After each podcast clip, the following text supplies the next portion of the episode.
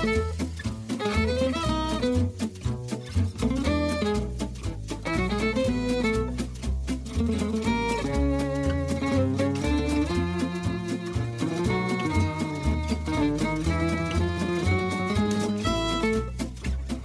tilbake til en ny episode av Musett, procycling.no sin sykkelpodkast.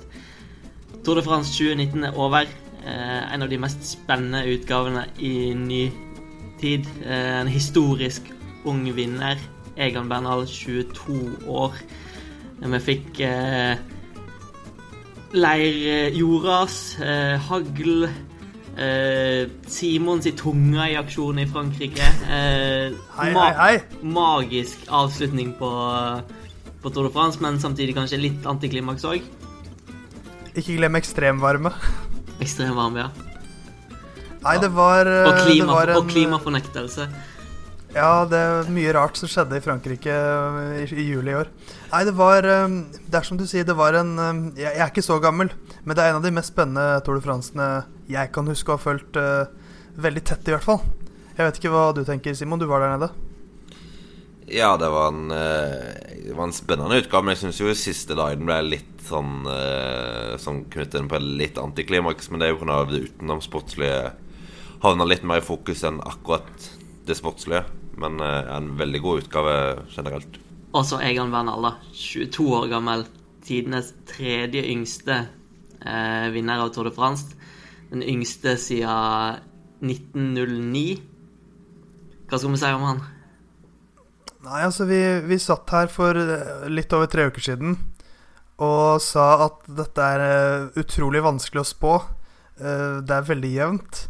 Men vi klarte å spå riktig vinner alle sammen. Uh, og det ble dobbel Linjo-seier, så det, det minner meg jo litt om det Gary Lineker-sitatet om fotball. At man spiller fotball i 90 minutter, og så vinner Tyskland. Eh, Bortsett fra at her sykler man i tre uker, og så vinner uh. Så men, men jeg syns jo det var veldig gøy. Jeg, jeg heiet jo veldig på Egan Bernal. Det merket jeg jo da, han, da, da det ble klart at han skulle vinne. Jeg ble, jeg ble veldig, veldig glad, bare. På hans vegne og på hele verdensdelens eh, vegne og hele landets vegne. For det betyr så mye. En ting var jo at uh, Ineos vant, eh, som vel nå betyr at de har vunnet sju av de siste åtte utgavene. Eh, men det var jo på ingen som helst måte De vant jo på ingen som helst måte sånn vi har sett tidligere, der de dominerte fra start til slutt, som jo gjorde eh, sitt for at det ble en langt mer spennende eh, utgave. Ja, vi har hatt vant til å se Kwiatkowski og Pols og gjengen være veldig gode, men eh, i år var jo spesielt Kwiatkowski og Moskon fullstendig ræva, for å være helt ærlig. Eh, helt eh, fraværende i fjellene. Eh, eh, hvor plutselig van Barle og Pols eh, Da ble de to viktigste hjelperne, og det Pols er heller ikke så ekstremt god som han har vært eh, tidligere år. Så de, de mangla en del, men de De hadde to veldig gode kapteiner som klarte å, å ordne alt sjøl. De hever seg jo ganske betydelig de siste dagene. da. Det var ganske markant eh, forskjell fra Pyreneene der, i hvert fall. Ja, det skulle kanskje, kanskje ikke så mye til, men eh, ja da uh, hos uh, Det blir feil å si at de er helt fraværende, for altså, de er jo De er jo på nivå med de fleste andre eh, lagene som kjemper opp i toppen, men eh, de har en standard som er, som er veldig høy, som de kanskje ikke helt levde opp til, men eh, generelt, altså hvis du skal måle dem mot de andre lagene, så gjør du jo et greit ritt. Det er brutalt, uh, brutal vurdering når de har nummer én og to i sammendraget. Ja, men jeg jeg, skjønner, jeg skjønner hva du mener. Ja. Og det er jo det som er litt av poenget, at de, standarden er blitt så ekstremt høy, da. Men når de da er på Når hjelperytterne deres ikke er noe bedre kanskje enn det som finnes i andre lag Det var kanskje Jumbo Visma som var det beste laget i fjellene nå. Men så, så lenge du har ikke bare den sterkeste, men den nest sterkeste rytteren også, så går det på en måte greit. Eh, og de, de hadde jo på, på slutten så hadde de jo Geraint Thomas på den siste etappen som de kunne brukt hvis de måtte. Men der ble det jo såpass passiv kjøring at eh, Som det jo ofte egentlig blir når sammendrag blir som det blir, at du har mange ryttere som kanskje tenker at de er fornøyd med det de har. Så blir det jo som det blir. Men, eh, men kapteinet deres leverte jo eh, til de grader. Jeg synes det var fint å se at uh, altså, Tidligere i så var hele tiden uh, snakk om uh, Kommer Bernal til kjøre for Thomas nå, eller sånt? Spesielt uh, tidlig og etter tempoen, hvor det var en del som skilte de. Så det var fint å se at de klarte å spille de to ved siden av hverandre framfor å, å spille på hverandre, sånn som når Eh, når eh, Banal angrep i Alpene, så var det jo meninga at Thomas skulle sitte der bak og følge støt og sånt. Eh, så de, de, de samarbeida på en veldig fin måte, og en fikk ikke det der én kaptein som skal holde tilbake, da, spesielt Banal. Så det var veldig fint å se. Jeg likte jo veldig godt uh, måten det skjedde på Col de Lisera. Hvor, uh, hvor, det var Thomas først som på en måte satte en fartsøkning i favorittgruppa. Uh, og da, da, var det veldig tydelig at, at det var planlagt, for, for Bernal var jo rett inn på bakhjulet til Ala Filip da han måtte gi litt avstand. og da han så at Ala Filip var ferdig, da klinket han til og kjørte fra alle. Så de, de klarte jo veldig effektivt å knekke Bernal på den etappen, som jo Nei, knekke Ala Filip på den etappen. det var været som knakk seiersmulighetene til Ala Filip. Vi kan kanskje se litt mer på det som skjedde der. For det var jo en, eh, et, et, stort øyeblikk i årets tour. Ja, det, det været som kom ja, inn mot den helga, endrer jo veldig mye. Eh, og ja, jeg, jeg, var jo i bil og kjørte til Tinn. Jeg hadde akkurat eh, kommet opp til mål når de Det hadde vært en liten stund. Men eh, når jeg kom opp til Tinn og kom inn i bakken der, så begynte det jo et sinnssykt regnvær. Og det forflytta seg jo tydeligvis eh, litt oppover i dalen, og der kom det sånn snø og hagl og utløste jordras. Så det ble jo en ekstremt dramatisk etappe. Der eh, TV 2 også sto for årets TV-øyeblikk. Jeg bare sier det nå med en gang. Dag Otto Leisen og Toby, fotografen, som dokumenterte det hele. Nei, det var Altså det, det, er jo mye man kan si om det som skjedde der. Men det jeg har lyst til å si, er at det er jo helt riktig å ikke la dem sykle videre. Fordi at det er jo Det tror jeg alle er enige om. Ja, og det, det, er liksom Det må ikke være noe tvil om det. Så kan man jo si mye om måten det blir gjort på.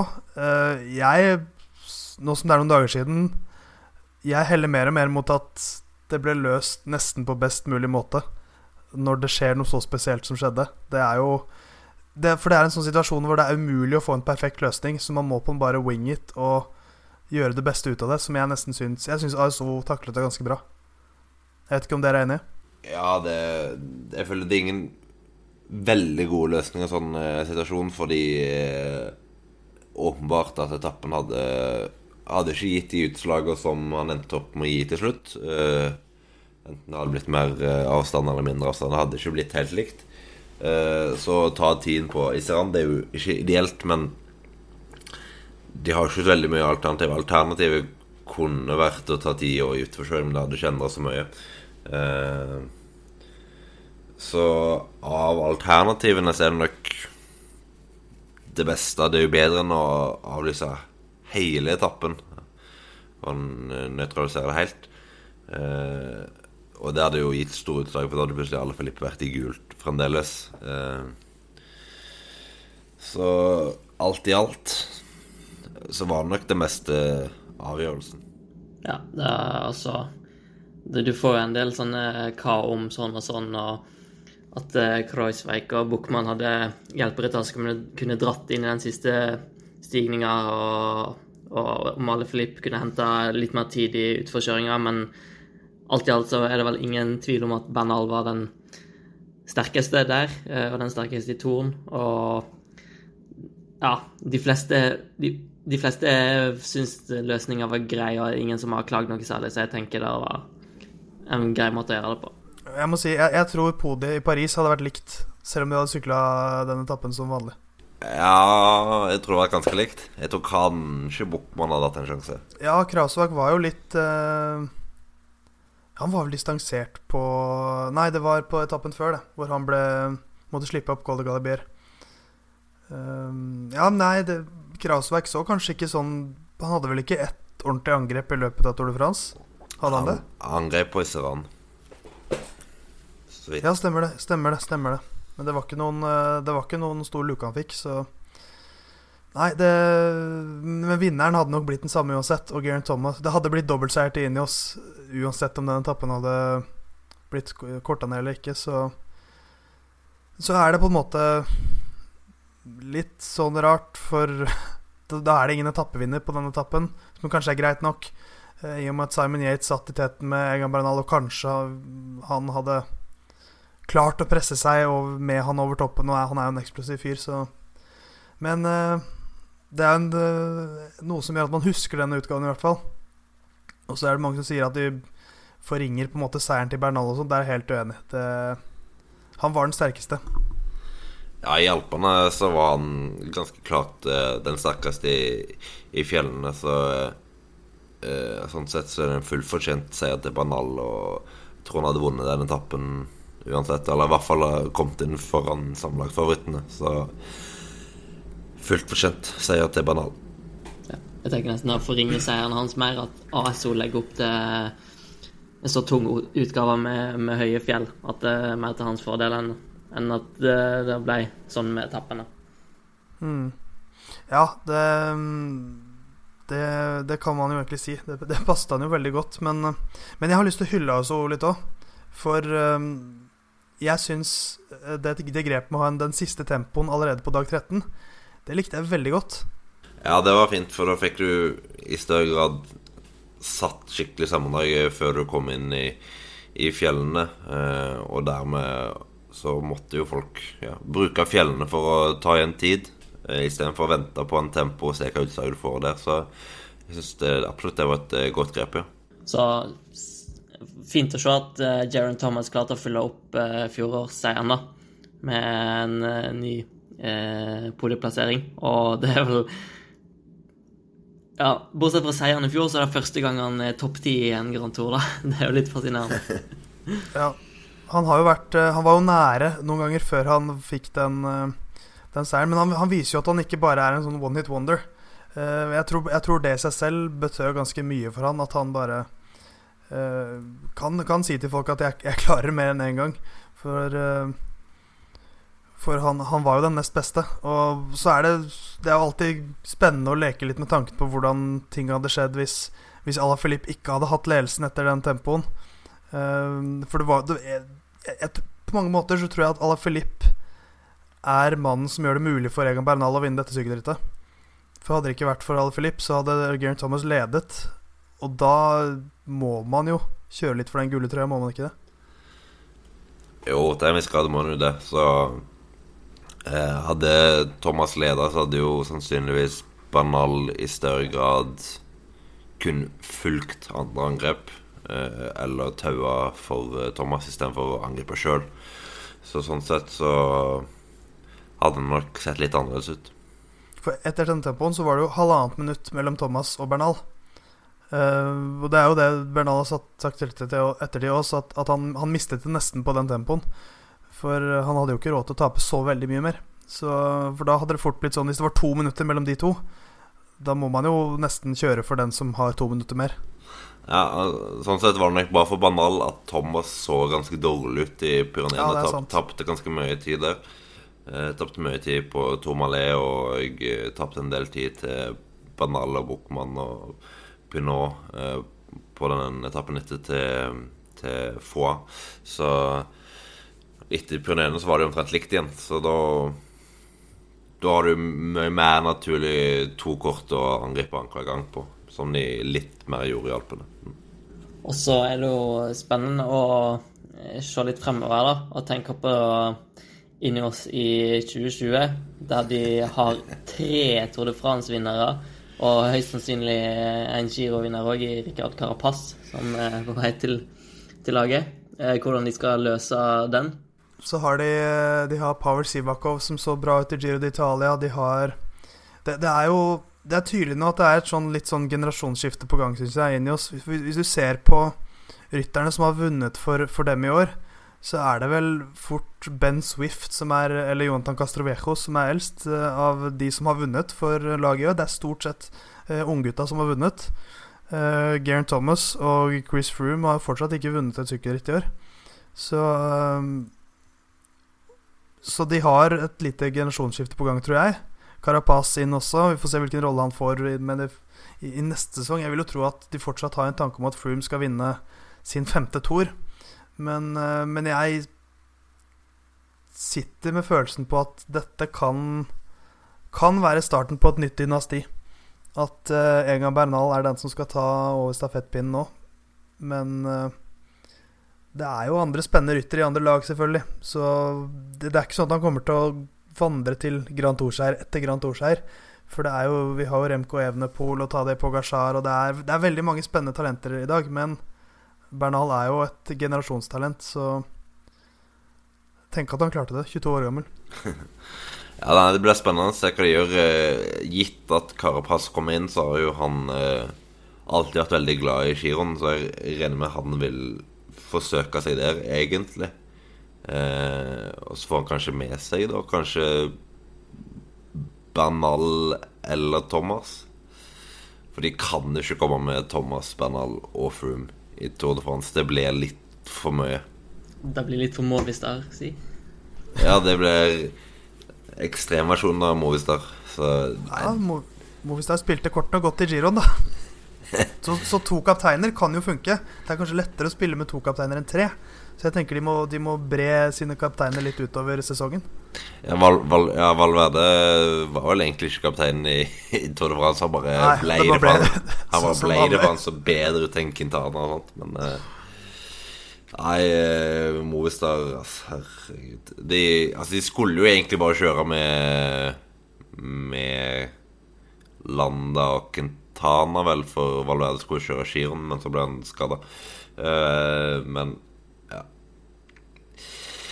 De er ikke så gode til å samle seg rundt en rytter, er vel den enkle beskjeden. Uh, de, de kjørte jo ned voldsomt, det var vel på den etappen over Galibier. Eh, at Landa gjorde ingenting.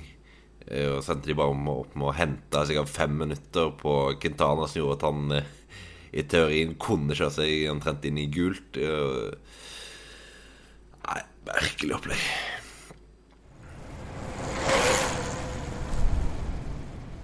Han gjorde ikke så masse ut av seg, men i sitt 16. forsøk endte han endelig på pallen i en Grand Tour. Steven Krausweik.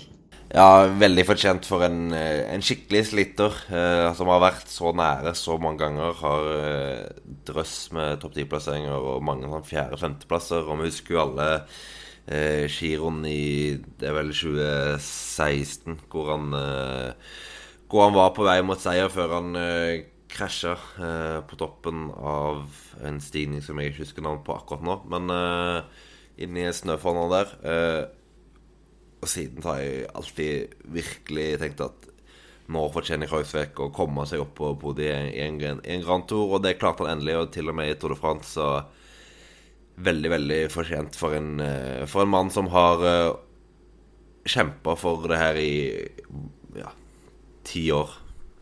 Og det er jo veldig veldig, veldig fortjent, som du sier. For han har blitt en veldig stabil Grand Tour-rytter. Han har vært han, han, Det er lenge siden jeg syns han har kjørt en dårlig Grand Tour. Uh, altså de siste, de siste, tre utgavene han har fullført Han ble, ble, nummer fem i, Vuelta, nei, i Toren i fjor. Nummer fire i Vueltaen. Uh, så han har jo ligget og vaket litt, sånn, litt rundt podiet ganske lenge. Uh, og i en sånn I et lag hvor Primoz Roglic kanskje får mer og mer oppmerksomhet Han har sett ut som deres beste kort i Grand Tourene, så tror jeg det er veldig godt for han å få, uh, å få en, eh, en podieplassering. Uh, spesielt når Primoz Roglic ble nummer tre da, i Giroen tidligere år, så er det godt for han å vise at 'jeg kan, jeg òg'. Uh, spesielt når han får så mye støtte, og så bra støtte fra laget som han faktisk fikk.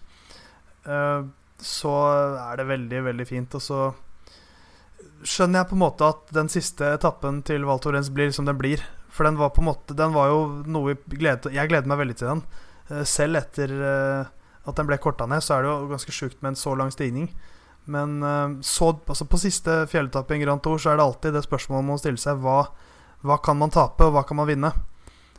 Og jeg tror ikke Krausveig kunne vinne så mye mer enn tredjeplassen. Så da blei det såpass defensiv kjøring som det ble. Men han De, de knakk Alaphilippe, og det var vel planen deres. Ja, så klart. Det, det var det som var målet når de starta på, på denne etappen. Så det klarte de på utmerka vis med et kjør fra bånn av bakken. Så Jumbo Visma spilte jo kortene sine perfekt sånn sett, og de fikk vel egentlig, som du sier, maks ut av, eh, av rittet for Kreuzvik eh, sin del. Og så ser vi også verdien av lagkamerater. Uh, han hadde Lawrence de Pluss og George Bennett med seg dypt inn i fjellene på hver eneste etappe. Eh, og det tror jeg var ganske viktig. Eh, og da ser man også litt hvor, hvor bra det laget faktisk er, og hva de kunne ha gjort for Primoz Roglic om Lawrence Plus da ikke hadde måttet stå av i Giro d'Italia. Hva han faktisk kunne ha bidratt med. For han var jo klasse, han òg. Det er bare å glede seg til Vuelta i Spania, hvor det er meldt at Jumbo Visma stiller med Roglic, Bennett, Gershink og Kreuzweig. Det lover jo godt for, eh, for neste år òg, da. Vi snakket jo om det litt i vinter, hvordan Jumbo Visma i det stille har bygd opp et ganske, ganske sterkt lag. Eh, og kommer og begynner å utfordre Sky, eh, eller Ineos nå, på en helt annen måte enn f.eks.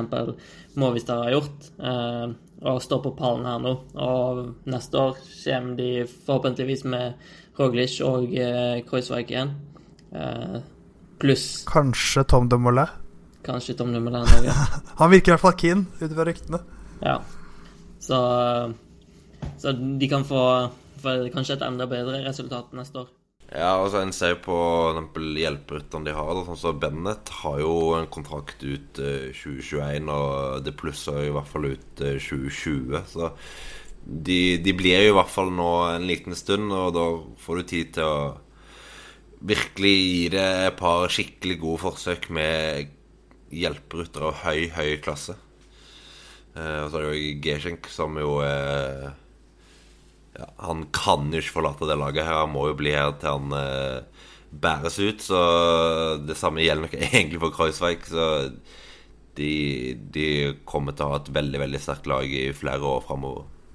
Det blir spennende å se hvor uh, Tobias Foss passer inn i det puslespillet her. Det er jo noe man også må se litt på. Han er jo, han er jo litt sånn er Litt sånn Tom de Molay-aktig ryttertype. Temposterk. eh, kan bli en fin sammenlagtrytter. Spent på hvordan de vil bruke han. Jeg håper, eller jeg tror nok de håper på at han kan eh, gjøre litt samme jobb som kanskje Laurens de Pluss om eh, Om en sesong eller to. Og så eh, får han se videre om han klarer å ta det steget opp til å bli en sammenlagtrytter av høy klasse sjøl. Men eh, klart han passer veldig fint inn i Inn i et, eh, en sånn type rolle nå, i hvert fall eh, fra start av. Jeg er Carl Fredrik Hagen, syklist på Lotto Sodal, og du hører nå på podkasten Musett. Franskmennene var i ekstase og eh, mer optimist enn nok en gang eh, når vi gikk inn i de siste etappene med Ala Filippi gult og Pinot på skuddhold og håpte på sin første tourvinner siden Bernard Hinault i 1985. Men eh, det gikk jo som det måtte. Ja. Det Altså, det med Alaphilippe er jo på en måte Det tror jeg Jeg tror ikke han sitter med noen sånn bitter ettersmak etter årets tour. Uh, han eh, hadde the time of his life. Hans på en måte posisjon som folkehelt blir bare enda mer Enda større nå. Nesten, føler jeg. Enda, en, nesten enn hvis han hadde vunnet. Uh, blir nummer fem til slutt. Det er det er eh, Han kjører en helt fantastisk Tour de France, vinner to etapper. Uh, og så er det Thibaut Pinot, da, som hjertet mitt gråter litt for. For uh, å se måten han sleit på Nei, det, det var jo tårer, og det var uh, Det var veldig vondt og veldig vakkert samtidig. Så jeg vet ikke hva du sier, Simon. Du er jo leder i Thibaut Pinot fanklubb, Scandinavian Branch. Eh, nei, det var Det var ganske sørgelig å få den eh, beskjeden at han eh, brøyt. Jeg, jeg så det ikke sjøl, men jeg hørte litt på radio, og så fikk jeg bekrefta når jeg åpna mobilen eh, når jeg kom fram. Eh, og det var Det var en kjedelig beskjed å få, for Pinot så ut som den den beste klatreren i Pyreneene. Eh, og så da var det på etappen til Gap, hvor han altså eh, får låret Han slår låret inn i, inn i styret til en annen rytter når det er en velt. Eh, sliter egentlig veldig på etappen over Galibier, men klarer å være ja, den tredje beste egentlig av favorittene over der, til tross for, eh, for at han eh, er ganske svekka. Men så er det full stopp på etappen etterpå, så jeg tror Jeg tror han hadde vunnet. Uh, han var så, så, såpass mye bedre ute enn Bernal i Pyreneene. Men uh, En får aldri vite det. Men uh, han hadde i hvert fall vært på podiet om han hadde fortsatt som han gjorde i i Pyreneene og unngått denne skaden. Men skader er en del av sykkelsporten. Og det her var en sånn veldig merkelig uhell. utrolig at det skal gi en, en, en sånn konsekvens, men det, det, gjorde det. Og det er dessverre litt typisk Pinot å havne for, utfor sånne ting. så det, det, det er sunt for han, for dette var en Dette tror jeg var nok jeg tror det var den største sjansen hans til å vinne Tour de. Eh, han kan nok få lignende muligheter enn vi tror alle han får en så god sjanse. For her, her, var på en måte alt lå til rette. Jeg er veldig spent på hvordan det her er med på å forme de neste årene hans. Eh, det var vel en av sportsdirektørene i gruppa med FTC som sa til Daniel Freeb at uh, han trodde at det kom til å ta månedsvis før, uh, før Pinot var tilbake sånn rent mentalt fra det her. Og han har jo slitt litt med enkelte utfordringer tidligere, uh, som han har kommet over etter hvert. Men utforkjøringa og har slitt litt med presset og sånt i, i Frankrike. Og som du sier, så Og da vet han sikkert godt sjøl òg at det her var en enorm uh, sjanse han kanskje får bare én gang. så jeg er litt spent på hvordan han håndterer det. Jeg vet ikke om dere har sett den dokumentaren som fransk TV lagde på Pinot. Eh, Nei, ikke ennå. Nei. Uh, den, den ligger på YouTube. Den følelsesmessig berg-og-dal-bane hvor du går fra å være høyt oppe på Planche de Belfi og så fryktelig langt nede etter tapet i, i sidevinden, hvor han er fullstendig forbanna og ja, skikkelig, skikkelig, skikkelig deppa og trenger litt tid. Bare der må han jobbes ganske godt opp av sportsdirektøren og lagkameratene.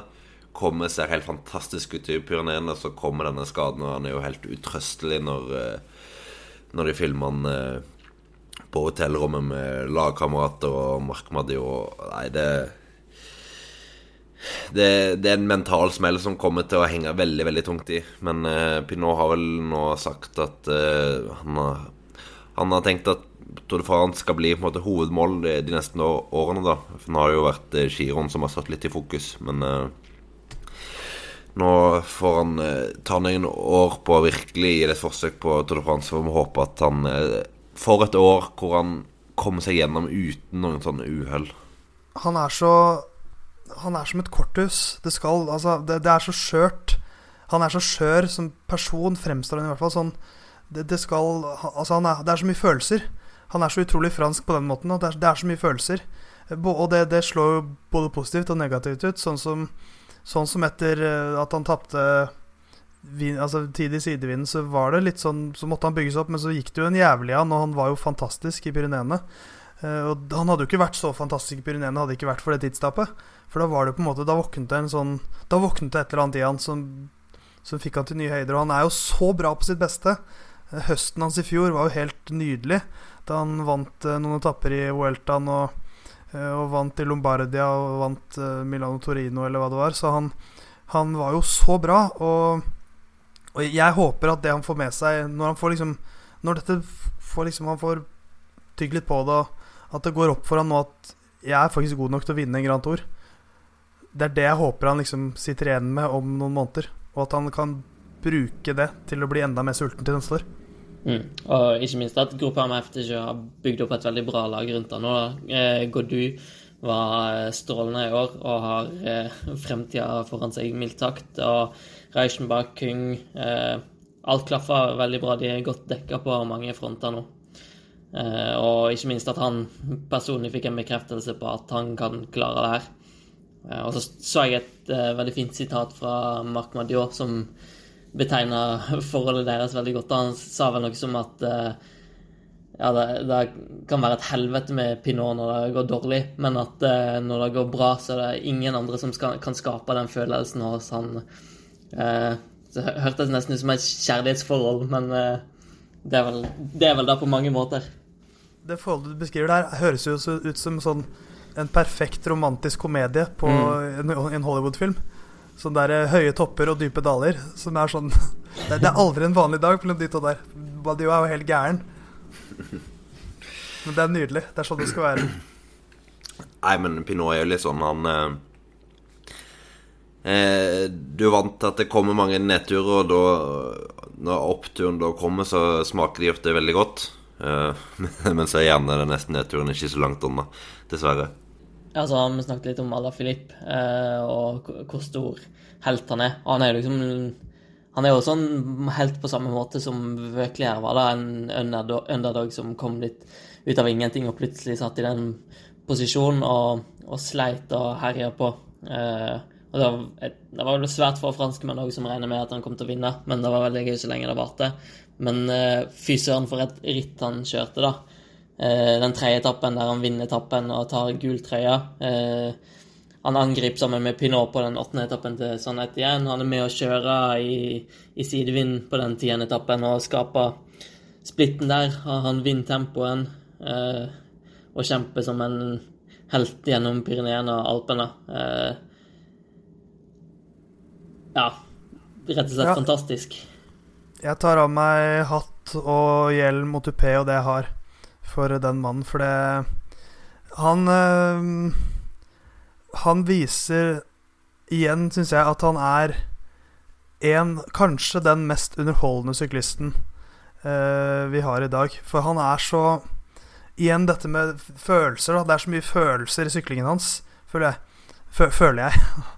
uh, og han Jeg syns det, det, Samtidig som sammenlagtfavorittene var veldig jevnbyrdige i år, så var det en veldig sånn spennende faktor gjennom Altså, han holdt den trøya to uker lenger enn jeg trodde han skulle gjøre, det, og det gjorde alt så spennende. Sånn, man satt hele tiden med den derre Ok, det er 39 sekunder mellom favorittene, men det er halvannet minutt opp til Alaphilippe. De skal knekke han òg. Så det var en sånn En sånn ekstra faktor i sammenlagtkampen som, som ingen hadde regnet med. Som, som, gjorde det hele ekstra, ekstra spennende. For du, hadde på en måte to kamper på gang. Du hadde kampen om å knekke Alaphilippe og kampen internt mellom liksom, de antatt beste favorittene. Så, så, knakk han til slutt, sånn som alle egentlig trodde. Men det skjedde jo da på nest siste dag. Eh, selv om det var litt svakhetstegn på vei opp Col Galibier, så var det jo et rått øyeblikk da han på henta inn favorittene bortsett fra Bernal i utforkjøringen og passerte dem alle på sånn 15 sekunder. Det var eh, Det var power move. Men eh, jeg er usikker på kan han klare å vinne Tour de France? Jeg, jeg, tror nesten ikke han kan få en bedre mulighet enn i år, hvor han på en måte får lov til å være veldig underdog og på den måte eh, bygge seg opp et stort eh, eh, forsprang. Han vil jo ikke få f.eks. på den etappen til Epanai som han vant på den tredje etappen. Han vil jo ikke få gå sånn og vinne med et halvminutt eller hva det var eh, til neste år. For da er jo folk med med oppspann, og da vil jo folk i større grad prøve å kjøre han inn. De vil jo ikke tillate det, så han kan jo ta steg i klatringene. Eh, men jeg er usikker på om han klarer å få en bedre sjanse til å vinne Tour de France igjen. Jeg vet ikke om det er spørsmål om det, er målet hans i det hele tatt. Han har vel allerede signalisert at uh, Flandern rundt neste år er viktigere enn uh, Tour de France for han. Ja, altså, Det er jo veldig masse tilfeldigheter sånn som i år, veldig masse tilfeldigheter som spiller inn, som gjør at han havner i, i den posisjonen. Tilfeldigheter og, og dyktighet. Du ser jo sånn som Vøkler da, var nummer fire i 2011, men var aldri i, i nærheten. Eh, verken før eller, eller, siden. Så det er veldig, veldig vanskelig å si. Eh, men eh, han har et langt høyere potensial enn Vøkler, da. Eh, så hvis han jobber med det og så det, tror jeg han kan Jeg vet ikke om han klarer å kjempe om seier, men eh, at han kan gjøre gode, gode Tour de France igjen og kjempe om podiet, tror jeg er veldig sannsynlig. Ja, det, jeg, jeg sitter og tenker jeg tror, jeg tror det er mange faktorer som gjør at han ikke kommer til å vinne en Grand Tour noensinne. Jeg tror det viktigste er hodet hans. For jeg tror ikke, han, jeg tror ikke det er den typen rytter han er. Altså, for å vinne en Grand Tour så må du sykle ganske konservativt. Du må spare på kreftene. Du må, du må, du må spare deg litt. Det er ikke hans måte. Eh, og så sitter jeg og tenker at han kanskje er sånn fysiologisk sett for eksplosiv. Han slår meg som en type med ganske mange korte muskelfibre. Eh, han kan klatre bra, men, men, han er jo ingen Egan Bernal eller en Vincenzo Nibali eller, eller Chris Froome, så jeg syns han skal få være den han er. At han heller kan være en rytter som kan sette farge på disse Grand Tourene. Eh, kanskje ikke vinne dem sammenlagt, men en som kan sette farge på Grand Tourene og vinne masse klassikere og bli en helt fantastisk syklist, eh, som han jo allerede er. Så Og jeg må si at da, da jeg hørte han sikta seg inn mot Flandern rundt, som Simon sa, så begynner jeg å tenke på den hashtaggen til Philip Gilbert. Dare to dream five, eller Dare to five, eller hva, hva det var. Drømmen om å vinne alle, alle strive, monumentene. Strive for five, er det. Ja, eller hva, hva det teite greiene var. Så han har jo vunnet én, bare. Så han har jo mange igjen. Men han har jo kvalitetene til å vinne mange av dem, tenker jeg. Paris-Roubais kanskje den vanskeligste, men uh, han har klart uh, Jeg tror det var en større bragd for han å bli nummer fem i Tour de France enn å vinne Paris-Roubais. Så er spørsmålet når han har fått smaken på det her nå, da, om han klarer å legge det fra seg. Ja, det tror jeg. Det handler selvfølgelig mye om løypa òg, da. Altså Får han en løype som er kall det skreddersydd for, foran, så har han jo gode muligheter. Eh, altså Alpene ble jo sånn sett veldig dårlig for han med veldig lange stigninger. Eh, veldig høye topper. Eh, og eh, han fikk ikke vist fram kvalitetene sine i utforkjøringene utenom på den etappen til Galvia Det kunne redde han inn mot Tinje litt. Eh, og han kunne kanskje prøvd på noe på neste etappen. Altså, han, det er der han har spisskvaliteter sammenlignet med de andre samla favorittene. Eh, og selvfølgelig de mer korte og eksklusive bakkene, men det var jo ikke akkurat korte og eksklusive bakker igjen i, i turen. Så han fikk sånn sett egentlig ikke helt vist så mye av kvaliteten sin de siste dagene hvor det ble veldig veldig vanskelig terreng for han. Eh, så gir du han en perfekt løype, så tror jeg han kan kan vinne. Men eh, da skal du ja, finne en tempo som er veldig sånn eh, lik den i på Unngå de høyeste og lengste fjellene, og gjerne en del avslutninger med utforbakke mot mål og sånt. Så det er mulig, men eh, det krever en fin løype, tror jeg. Du kan jo banne på at ASO kommer til å lage ei sånn løype i løpet av et par år. Ja, men det, det er jo de, de, kan jo ikke komme seg unna å ikke ha med minst én fjellavslutning. Liksom, de, de, må jo opp i høyfjellene, det er jo det Tour de France også er.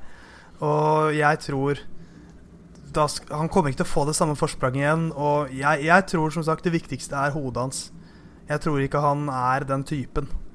Uh, og det tror jeg nesten er Med mindre han blir den typen. Man kan jo endre seg, selvfølgelig. Men, uh, men jeg, jeg, tror ikke han vil det selv. For det, det, det, det, krever at han må endre veldig på den syklisten han er. Uh, og det tror jeg ikke han vil. Hello, I'm Alberto Contador and listen to Muchet. Vi har noen andre treere òg. Kampen om Milo Jean ble ganske spennende. Men ja, grønntrøya ble nesten glemt litt bort, eh, selv om det var eh, mindre differanse enn på, på noen år mellom eh, første og andreplass. Mens klatretrøya ble jo en aldri så liten farse. Mens Egan Bernal tok hvittrøya, så den var jo enkel og grei for så vidt. Ja, det, vært, det, er jo interessant at dominansen til Peter Sagan startet samtidig som dominansen til Team Sky. For han har vunnet syv av de åtte siste grønne trøyene. Mens uh, Sky har vunnet syv av de åtte siste gule trøyene. Så uh, nå er jo uh, sagaen historisk. Røke, rykket fra Erik Sabel, som hadde seks grønne trøyer, mens Saga nå har syv. Han vant med 68 poeng, som er hans nest laveste seiersmargin. han vant med 66 poeng i 2015 foran Greipel. Så Men han har aldri hatt færre poeng som vinner av den grønne trøya. For i år hadde han jo bare 316 poeng. Så Og i eh, fjor hadde han 477, tror jeg. 477, ja. Så, så det er jo Altså, man har jo Lista er jo så ekstremt høy for Sagaen. Høyere enn for noen andre, egentlig. Um, så med én etappeseier og bare sånn surfe inn til grønn trøye, så fremstår du som en litt svak toer, egentlig, av Sagaen. Men uh, vanskelig å arrestere han samtidig når han gjør det han gjør, da. Men altså, etter Etter den ellevte etappen Det eneste han gjør, er jo egentlig bare å ta wheelies og øh, være showman i fjellene. Han gjør jo egentlig nesten ikke noe. Er Kødder rundt med gutta. Ja, han har jo selvfølgelig full kontroll i, i poengkonkurransen. Går i et par parbrudd og tar noen innlagte spurter. Men han er ikke nær at han har hevda seg på etappene som han har klart tidligere.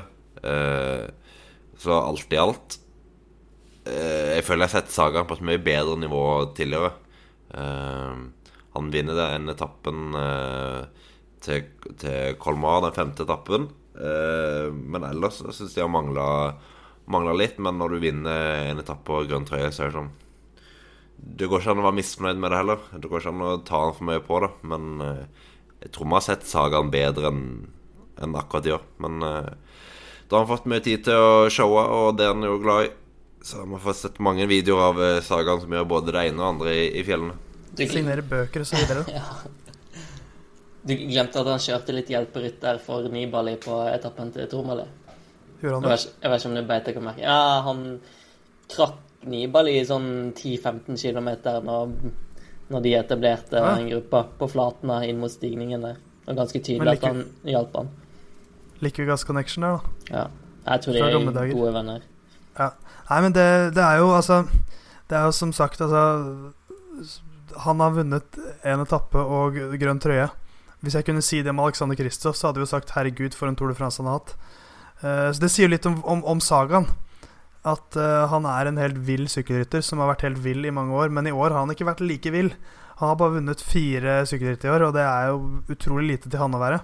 Så uh, kan, kan jo tenkes at han har eh, skumle planer for VM, at det er kanskje det som er hans hovedmål i år.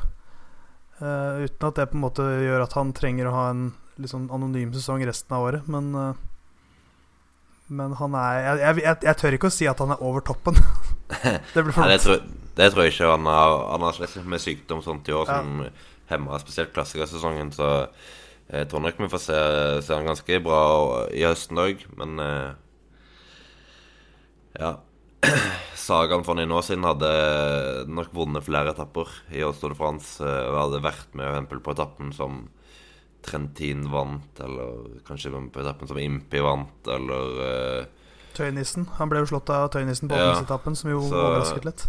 Ja, så Uh, Så som mangla et par prosent, men han, eh, han kan være i sånn grunnform og vinne den grønne poengtrøya. Det, det er rimelig rett fram.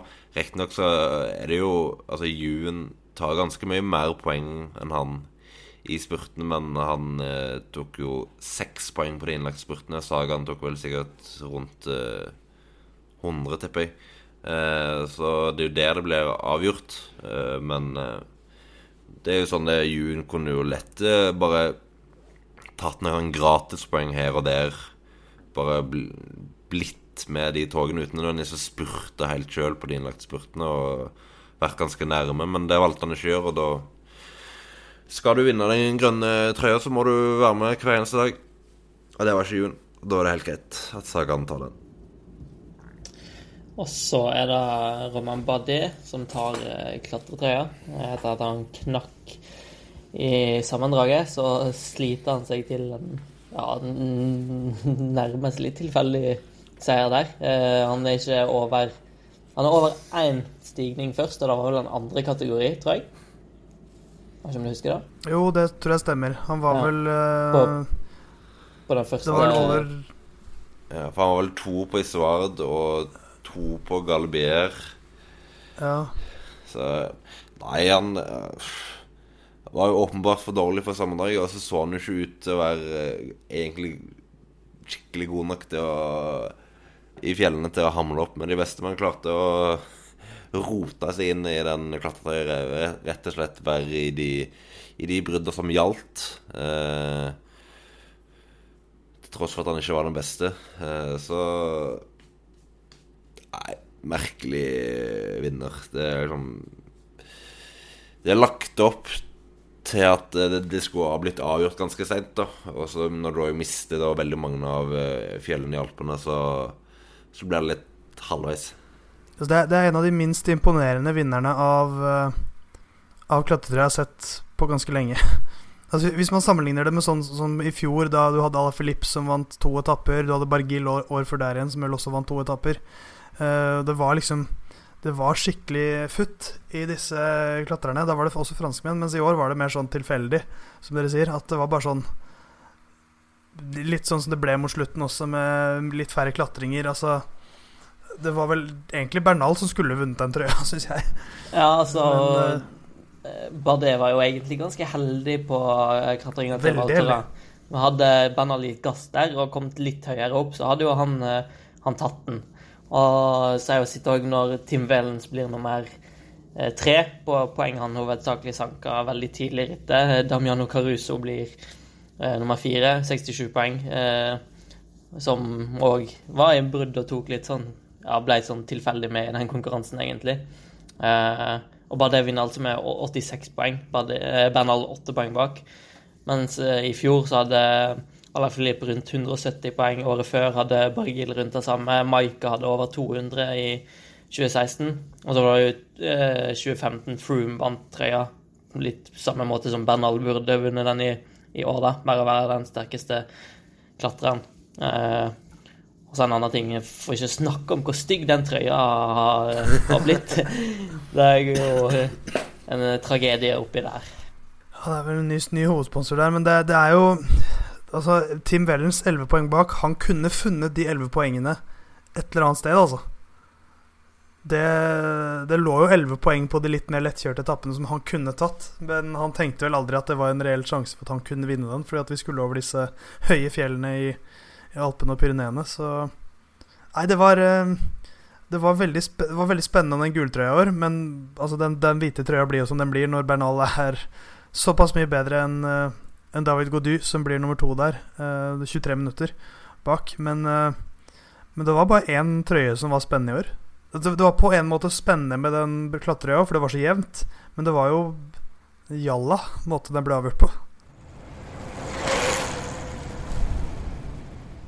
Det var eh, norsk deltakerrekord i Tour de France i år, med seks nordmenn til start. Eh, vi spådde noen eh, vi ga en spådom på antall etappeseiere før touren starta. Eh, spådde vel alle én hver, tror jeg. Jeg spådde to. Spådde to. Uh, for jeg, jeg uh, Du er litt crazy. Ja, jeg skyter ofte, for de lyver aldri. Men uh, nei, jeg, jeg, jeg tror vel tanken min var, var, at det er jo noe som kommer til å falle fra her. For det skjer hvert år at det er noen spurter som faller fra, men det skjedde jo ikke i år. Det var ingen som røk på tidslimiten. Uh, alle så ut til å komme ganske greit gjennom fjellene, faktisk. Så, og når da Kristoff var Hadde en dårligere utvikling enn han hadde hatt før han, han, ble jo, han, ble jo, ikke bedre gjennom rittet. Han sleit jo. Så, så blei det ikke noen norsk etappeseier. Men, men når man ser på på spurterne, så Altså Når Dylan Grønneveggen og Elia Viviani har én etappeseier hver, Peter Sagan også én etappeseier, så blir det jo ikke så mye igjen til Kristoff når Caleb Ewan tar tre. Så uh, Samtidig andreplass på én etappe. Han var veldig nære etappeseier, men han var ikke så jevn i år som han har vært før, med topplasseringene. Nei, det var litt uh, Det var en del trøbbel og en del uh, ja, feilvurderinger eventuelt uh, med litt teknisk trøbbel på Champs-Élysées og på den etappen eh, ellevte etappen som Juen vant, hvor han eh, slet med kjedet og en del En del spurte hvor han ble låst. delvis hans egen skyld, delvis fordi det er sånn det fungerer. og så er det som sier han Det er egentlig ett reelt forsøk hvor han er i posisjonen til å, til virkelig kjempe om seier, og der, der var han nærme. Men resten er jo selvfølgelig skuffende for hans del. Han, har jo forhåpninger om ganske mye mer. Uh, og så, som du sier, Theis, det er veldig få, få som falt av i Tour de France. Det, kanskje litt fordi Alpene ble som de er, men uh, sånn generelt Jeg syns det har vært veldig få velt. Uh, veldig sånn stygge velt som har fått ut mange ryttere. og det er jo som du sier, ingen som røyk på tidslimit. Dowsett og Debuscherane røker på den etappen til Tinn før det ble stoppa, men ja, en litt merkelig utgave sånn sett. Hvis vi sammenligner med i fjor, de spurterne som røk ut da, eh, så kan jeg bare gå gjennom alle liksom, spurterne. Michael Matthews han røk på den femte etappen. Um, du hadde Fernando Gaviria som uh, røk på den ellevte etappen. Eller han startet ikke den tolvte. Uh, du hadde Mark Cavendish som var over tidslimiten på etappe 11. Du hadde Marcel Kittel som var over tidslimiten på etappe 11. Du hadde Dylan Grøneveggen som ikke startet etappe 12.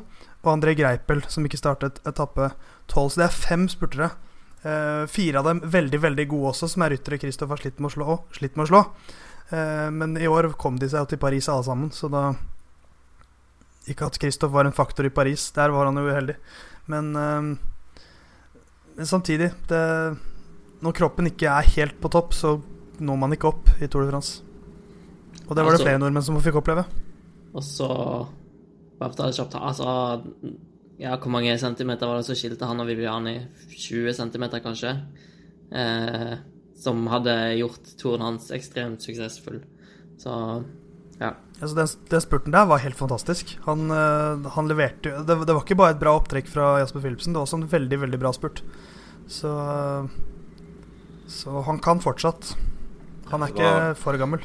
Det var vel godt over 1500 watt, uh, så vidt jeg registrerte. ja. Men uh, la, la, oss gå videre. Vi har seks nordmenn vi, vi skal prate om. Ja. Uh, Edvald Baasen Hagen, da? Ja, fortsette litt der, ja. Um, ja, han, han sleit jo med ja, magesjau, var rett og slett da. Halve laget, hele laget nesten, var satt ut av. Ja, de fikk noen problemer, hele laget. Eh, eller seks av rytterne hadde mageproblemer. Eh, og det det satt i en del tilbake. Eh, Edvald kjørte jo som hjelperytter for Nisollo i starten og gjorde en grei jobb der. Nisollo med en, en del topp ti-plasseringer de første uka. Eh, så hadde han jo òg egne sjanser på den tredje etappen og den femte etappen. Femte etappen så Han kjørte jo ganske bra eh, med å komme seg opp igjen etter den punkteringen. men fikk litt tøft i selve spurten og han brukte mye krefter. Uh, og så røyk jo Nisolo ut. Rekne, eller Edvald prøvde seg i brudd på den niende etappen uh, først, som Impi vant. Men der var han helt sjanseløs. Men det var dagen etter det mageproblemet var som verst. det var nok en liten tabbe å komme seg med i det bruddet der. For det, han var nok ikke helt fysisk uh, fit for det. og så ryker Nisolo ut, får litt sjanser i spurtene sjøl. Ikke noe full klaff i de, men kommer seg med i brudd gap, og så blir han litt sånn låst taktisk når Ben King er foran, og havner litt bakpå der, og så Avslutta han jo ganske bra i Paris, men femteplass. Eh, Leda lenge eh, inn på oppløpet, sånn som han kanskje kunne holde, men eh, ble litt for langt i motvind. Det er klassisk norsk spurter på Champs-Élysées. Det har skjedd så mange ganger. Det har skjedd med Husa, det har skjedd med Kristoff og nå Boas og Nagen. At de kommer rundt svingen, og så har de den kameravinkelen fra siden så leder nordmannen. Det er så typisk. Det, jeg husker jeg var i uh, og så Tour de France i Paris, nei, på et hotell i Frankrike i 2010. Da Husodd spurta mot Cavendish på Champs-Élysées. Husodd leda i den sidevinkelen på, på, fra og så bare er Cavendish på en helt annen planet. Og Kristoff har jo opplevd det samme. Leda på Champs-Élysées. Så har uh, Greipel eller Kittel kommet forbi. Men så vant han jo i fjor, men da ledet han jo ikke uh, i dette sidesynet. Så Nei, men Han leverer en god spurt på slutten. Uh, får en topp ti-plassering på siste forsøk. Uh, så da har han det i, i år igjen. Men igjen, det er litt det samme som Kristoff. Kroppen ikke helt på topp, og da blir det litt sånn Litt skuffende. Ja, altså med de forutsetningene der, med, altså med tanke på at han kjørte eh, hjelperytteropptrekker for Nistolo i starten, blir så sjuk, eh, må komme seg eh, opp igjen rent formessig. Eh, etappen til Gap, litt marginer som spiller inn der. Eh, vanskelig å si hvordan han hadde håndtert eller kjøret til frontgruppa opp der. Men Gino mente vel at han var god for en topp fem, i hvert fall der. Og han mente jo sjøl, Edvald, òg at han hadde ganske bra bein der. Og så er det jo ikke så mye å gjøre den siste uka i Alpene. Han gir det et reelt forsøk på, på Champs-Élysées. Så sånn som ting ble, så er det vel Jeg har ikke så mye å klage over sånn sett, da. Altså, det er ikke så lett Det er ikke bare for Edvald å dra til Tour de France og begynne å plukke etapper.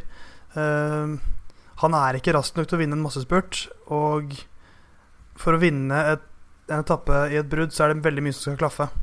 Det er ikke alltid det holder å være den sterkeste engang. Så, så får prøve igjen neste år. Ja.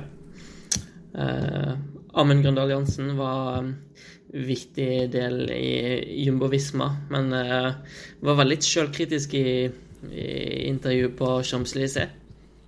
Ja, han har vært litt sjølkritisk uh, både etter den etappen til Toulouse. All, Toulouse, ja. Den etappen som Juen vant, og etappen til Nim. Uh, begge de etappene så har han jo vært litt på at han han uh, rota det litt uh, til. Uh, og Grønneveggen jo kun igjen med én etappe. Det er litt skuffende.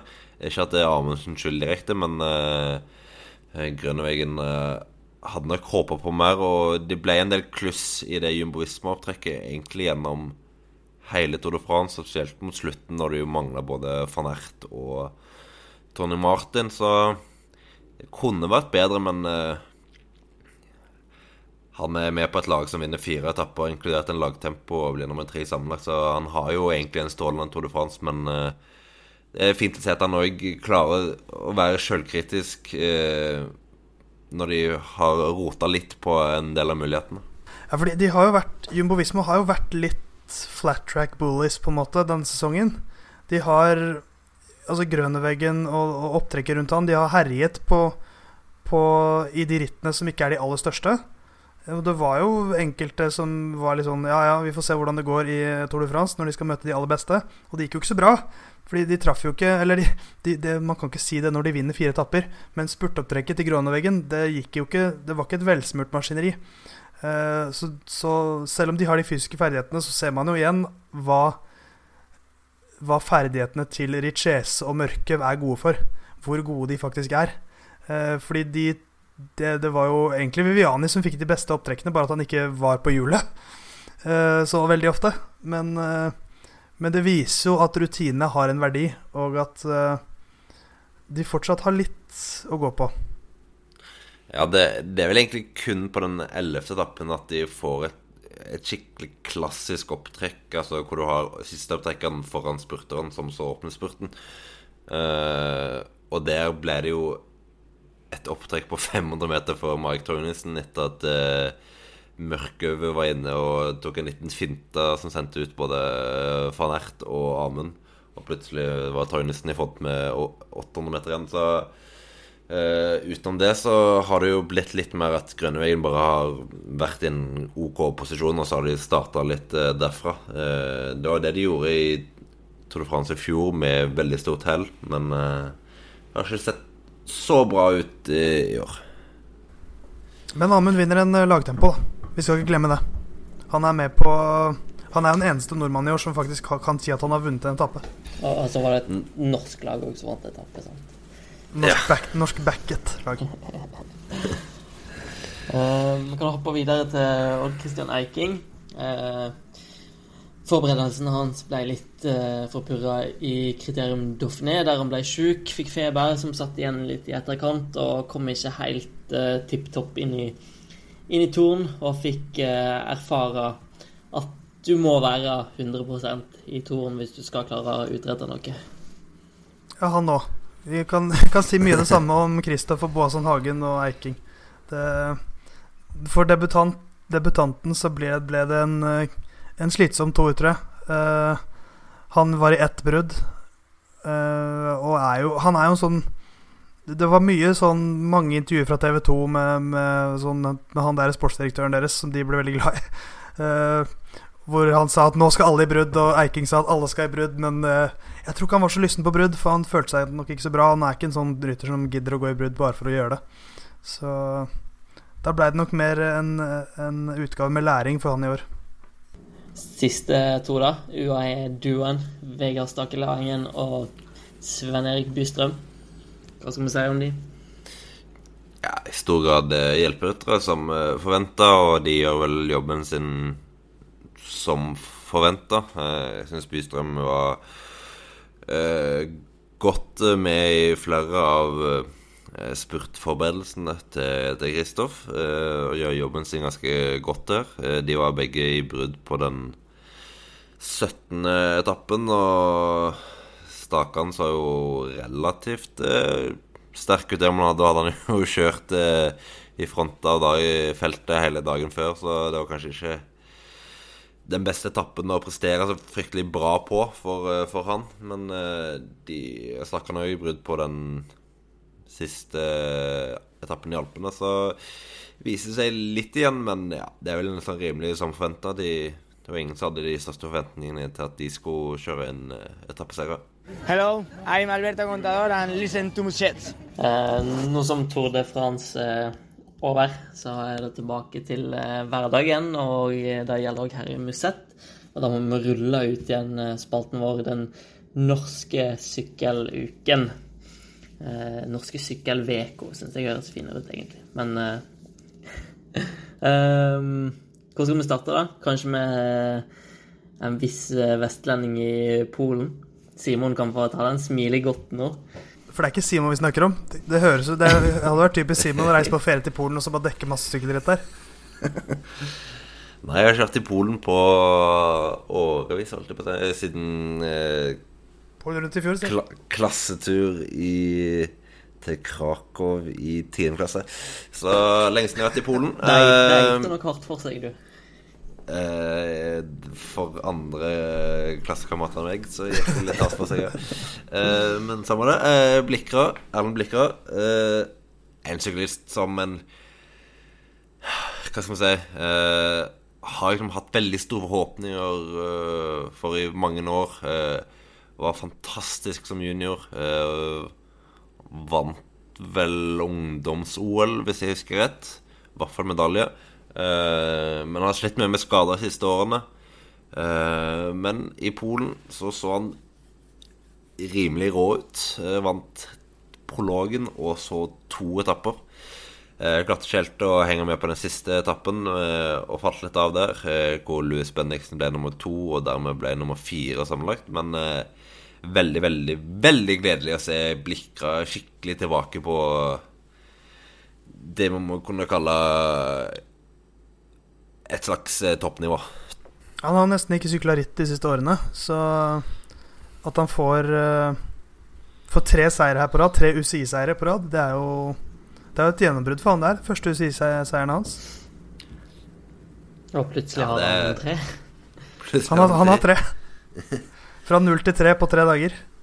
Ja, det er ikke så mange norske syklister som har tre UCI-seire i det hele tatt, så eh, Selvfølgelig Ritt i Polen får kanskje ikke den største oppmerksomheten, og eh, en er kanskje litt i større grad usikker på kvalitet på startfelt og sånt, men det, eh, helt borti natta var det jo var det virkelig ikke. Det en del eh, gode lag med, så Håper at han har mye å bygge videre på nå til høstsesongen. Det var fint å se om han eh, virkelig får et par måneder hvor han kan etablere seg som eh, eh, Som en veldig god syklist uten å ha problemer med skader eller sykdom. Altså det, er noen, det er et ganske brukbart felt, egentlig. Altså På prologen han slår Adrian Kurek, han slår Jan Barta, Patrick Storch. Det er liksom Det er ikke så dumt felt for en kontinentalrytter å, å, å, dominere i det der. Så la oss håpe helsa står seg. Da krysser vi fingrene for. Eh, så det er flere som har eh, begynt å innlede høstsesongen sin. Eh, Rasmus Tiller har vært i aksjon i Adriatica Ionica Race. Eh, mens Carl Fredrik Hagen og eh, Rasm... Nei, Kristoffer Halvorsen sykler Tour de Valogne nå. Eh, CF sykler ikke Ok. Nei.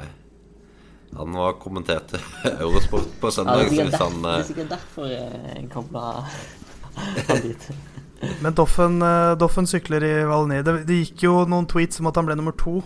Ja. på den, eh, den andre etappen, men det var Christopher Lawless som ble. Så Doffen har ikke vært med i toppen der eh, foreløpig.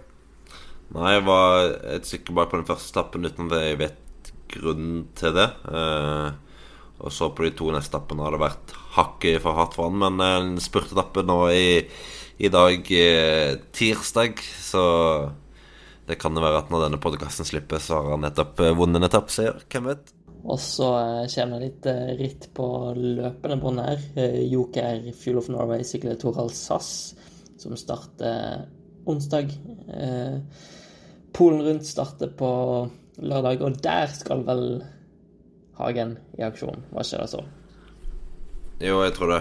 Uh, han skal vel sannsynligvis da bygge seg opp mot uh, Vuelta Spania. Uh, han har jo vært på høydeleir nå i et uh, par uker. Eh, eller han har kommet hjem for en stund siden, da. Men eh, så det blir spennende å følge han i høst, eh, hvor det da sannsynligvis da blir Vuelta Spania. Eh, det Jeg tror han blir en rytter som kan overraske litt i den måten at han takler tappritt fryktelig bra. Så etter tre ukers ritt tror jeg er veldig, veldig godt for han.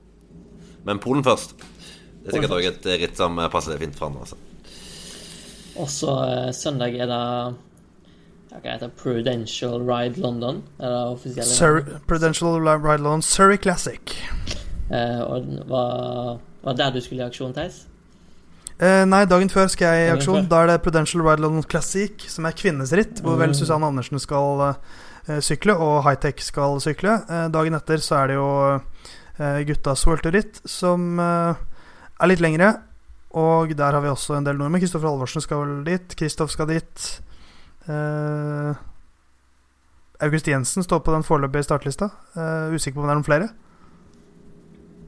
Daniel Hoelgaard, kanskje? Ja, Hoelgaard står på Pro Cycling Stats i hvert fall. I, I hvert fall eh, Kristoff uh, eh, får en spennende test å se hvordan han er da eh, etter Tour de France. Nå virker som han var litt eh, stigende igjen eh, på, på vei ut av eh, rittet. Så kan vi jo se om han er, er i stand til å kjempe om seier i, i London. Han vant jo rittet for to år siden. Jeg er Carl Fredrik Hagen, syklist på Lotto Sodal, og du hører nå på podkasten Musett. Vi ruller videre med våre neste spalter. Eh, Den eh, røde lanterne og det røde startnummer. Eh, eh, Hvem av dere har lyst til å rekke opp en hånd, den som har lyst til å starte først? Vi starter vel på minussida, selv om vi pleier. Ja, ja slutt med en hai. Da skal Theis Magelsen få gi ut Nei, det kan ikke. Knut Andreas Lone skal få gi, gi ut eh, Den røde lanterne, eh, som eh, i Tour de France eh, var Sebastian Langefelt etter en spennende kamp mot Johan Ofredo. Det var kun tre sekunder som skilte før eh, etappen til Val Thorens, men det jo Ofredo ganske bra. Og da ble det Langefelt som endte på sisteplass. Og hvem får slakt i denne utgaven av Musett? Knut Andreas Lonpus. Jøss, det var litt, litt av en opptakt her. Uh, nei eh, UAE høres da greit ut. Nasjonen. Jeg vil gjerne ha en Ja. begrunnelse. Hele De forente arabiske emirater. Ja, men det hadde vel ikke vært ufortjent, det hadde det? Nei, egentlig ikke. Nei, vi, vi snakker altså om, om laget. Eh, som eh, hadde et eh, kollektivt sammenbrudd, kan vi kalle det. Eh, Kristoff hadde andreplassen sin på den fjerde etappen. Eh, ellers var det veldig lite å skrive hjem om. Og i nå den siste uka så har det vært masse murring og diverse uttalelser i media om at ting åpenbart ikke har vært som det, som det skulle der. Eh, og det snakkes om ernæring og, og sånngjører som glemmer å lage mat og det ene og det andre. Eh, åpenbart at det har vært en del rot der. Eh, pushet, den norske pressen har pusha de norske rytterne veldig der, da, uten at de har ville snakke noe om det. Eh, men det er åpenbart at det er et eller annet som har, har foregått der. Og du har, har jo med ryttere som Rui Costa, eh, Henao, Dan Martin, eh, som ikke har fungert i det hele tatt. Du hadde vel en liten statistikk på hva den beste plasseringa fra de var, Simon? Hvis du husker den i farta? Jeg Kosta har en åttendeplass på den tolvte etappen som Simon Yates vant. Det er eneste topp ti-plasseringen eh, de gutta der pluss Fabio Aru har eh, på, en, på en etappe. Kristoffer Philipsen plukka jo en del topp ti, men nei, fy søren, det klatrelaget var jo fullstendig natta. Eh, spesielt når eh, kan si, Dan Martin ryker ut av sammendraget tidlig, men han er jo ikke i nærheten av å klare å kjempe om serien i, de bruddene han går i heller. Så det var rett og slett en forferdelig eh, siste del av Tour de France. Altså, Det mest positive å ta med seg er jo nesten Fabio Aru, som har vært helt ute av det i halvannen sesong nå. Men faktisk kjørte Han klatra ganske greit etter hvert. Og hva ble han nummer 14 sammenlagt, eller? 14, ja. Ja. Jeg, jeg syns han var Det er helt riktig som du sier. Han, han har jo slitt med Han gikk jo gjennom en operasjon i vår med, med en fortettet Eller en litt sånn innsnevret blodåre som han måtte få operert. Eh, som virker å ha løst litt av problemene hans. At han allerede er god, god nok, da, vil jeg si, til 14.-plass i Tour de France, det var, det var en opptur. For, også, både for han, men også Jeg syns alltid det er gøy å se Aro sykle, for han, det er så mye ansiktsuttrykk. Uh, så jeg har lyst til å se, se, se mer av det. Men uh, han er den eneste som får godkjent av klatrerne, fra meg i hvert fall. Med, det, med det, den oppladningen han har hatt, og alle vanskene han har bak seg. Men Dan Martin, enorm skuffelse for meg, i hvert fall.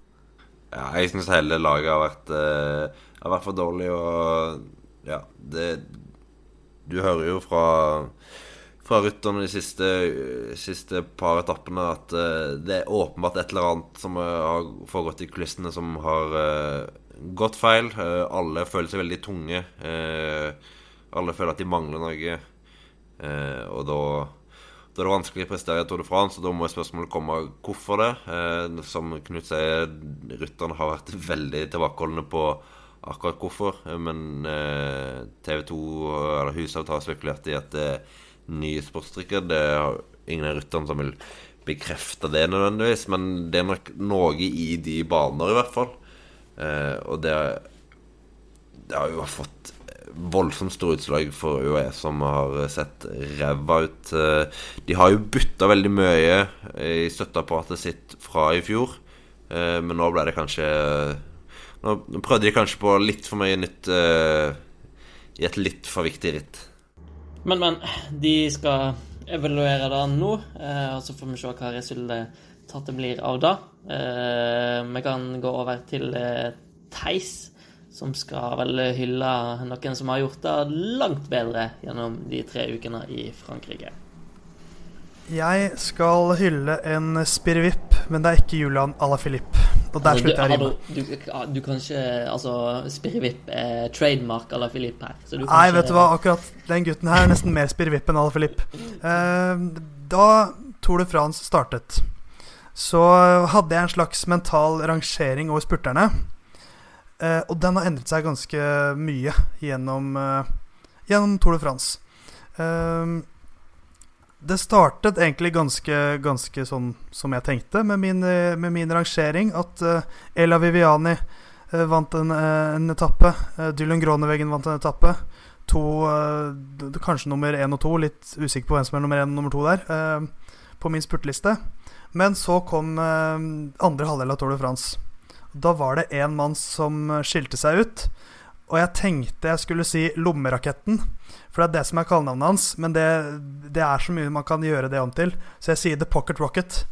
Uh, for Caleb Ewan, altså. Fy søren for en Tour de France han leverer, og det er så fortjent. For han har to veldig frustrerende år bak seg i, uh, i Michelin Scott, hvor han ikke fikk slippe til i de store rittene. Syklet nesten ikke, fikk ikke sykle Grand Tours. Fordi de ble mer og mer et sammenlagt lag. Eh, så kom et veldig stort øyeblikk i hans karriere. Han dro til Lotto Sodal, drar til et lag som, eh, der han får en mye viktigere rolle, som i stor grad er bygget rundt han. De sender vekk André Greipel, uh, en enorm spurter i et tiår. Han leverte levert på rekke og rad, og han var jo helt natta i år, så det er tydelig at de satset på rett, rett hest der. For inn fikk de en ung ung australsk spurter som vinner altså tre etapper. Han vinner de tre siste spurtene i Tour de France. Um, og gjør det på så imponerende vis også. Um, så han Jeg føler årets tour Det er den toren hvor Caleb Ewan virkelig etablerer seg. Helt i toppen av, uh, av verdensklassespurterne. Nå er han kanskje helt på toppen. Akkurat nå.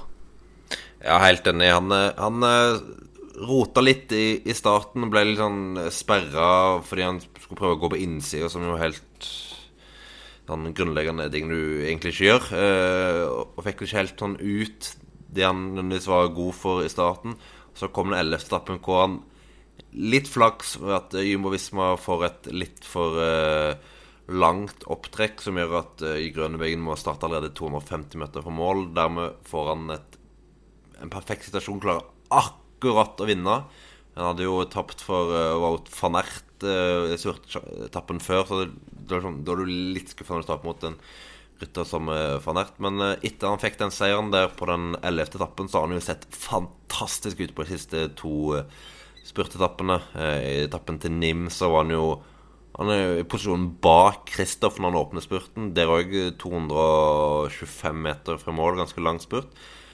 Og er fullstendig overlegen. Suser forbi Grønnevegen Viviani og Sagan og alle. Og Champs-Élysées òg, hvor han jo kommer langt bakfra. Og når han går rundt på høyresida der, som òg er kjent for å være den vanskeligste veien på selve Champs-Élysées, så har han jo bare en fart som er mye, mye større enn de andre. Eh, Grønnvegen for all del relativt stor fart, han òg, men sånn, sammenlignet med Bonifazi og Båsen Hagen og den gjengen der, så så de ut som statister når Juen føyk forbi. Så fantastisk siste del av rittet. Virker som han virkelig knakk en kode når han fikk den første seieren sin. Ja, den spurten eh, på Champions League er bare helt latterlig. Det er en av de råeste spurtene. Han kommer jo fra hjul og i motvind, da, så det har selvfølgelig litt å si. Men eh, ja, det virker som han bare Han sykler 100 meter på de siste 50 meterne sammenlignet med de andre. Ja, nei, det er, det er veldig gledelig. Spesielt med tanke på at han har hatt en ganske mye frustrerende eh, perioder bak seg i et annet lag. Så nå har han vunnet to etapper i Giro d'Italia i år, tre etapper i Tour de France. Uh, jeg, han, jeg, tror han skal til Vuelta Spania. Uh, klarer han å vinne en etappe der, så blir han den fjerde rytteren som vinner en etappe, minst én en etappe i hver Grand Tour i løpet av et kalenderår. Så det er bare å kjempe videre, lille lommerakett. Da eh, Da må vi begynne å runde av. Eh, før vi gjør det, skal vi i Theisen kjøre en liten spådom hvem som vinner Tour de France 2020. Ja, det, å, det liker jeg. Eh, sier jeg Bernal, jeg. Simon. Bare første som falt meg inn. Simon har lyst til å si Tibopi nå. Sier det. Ja.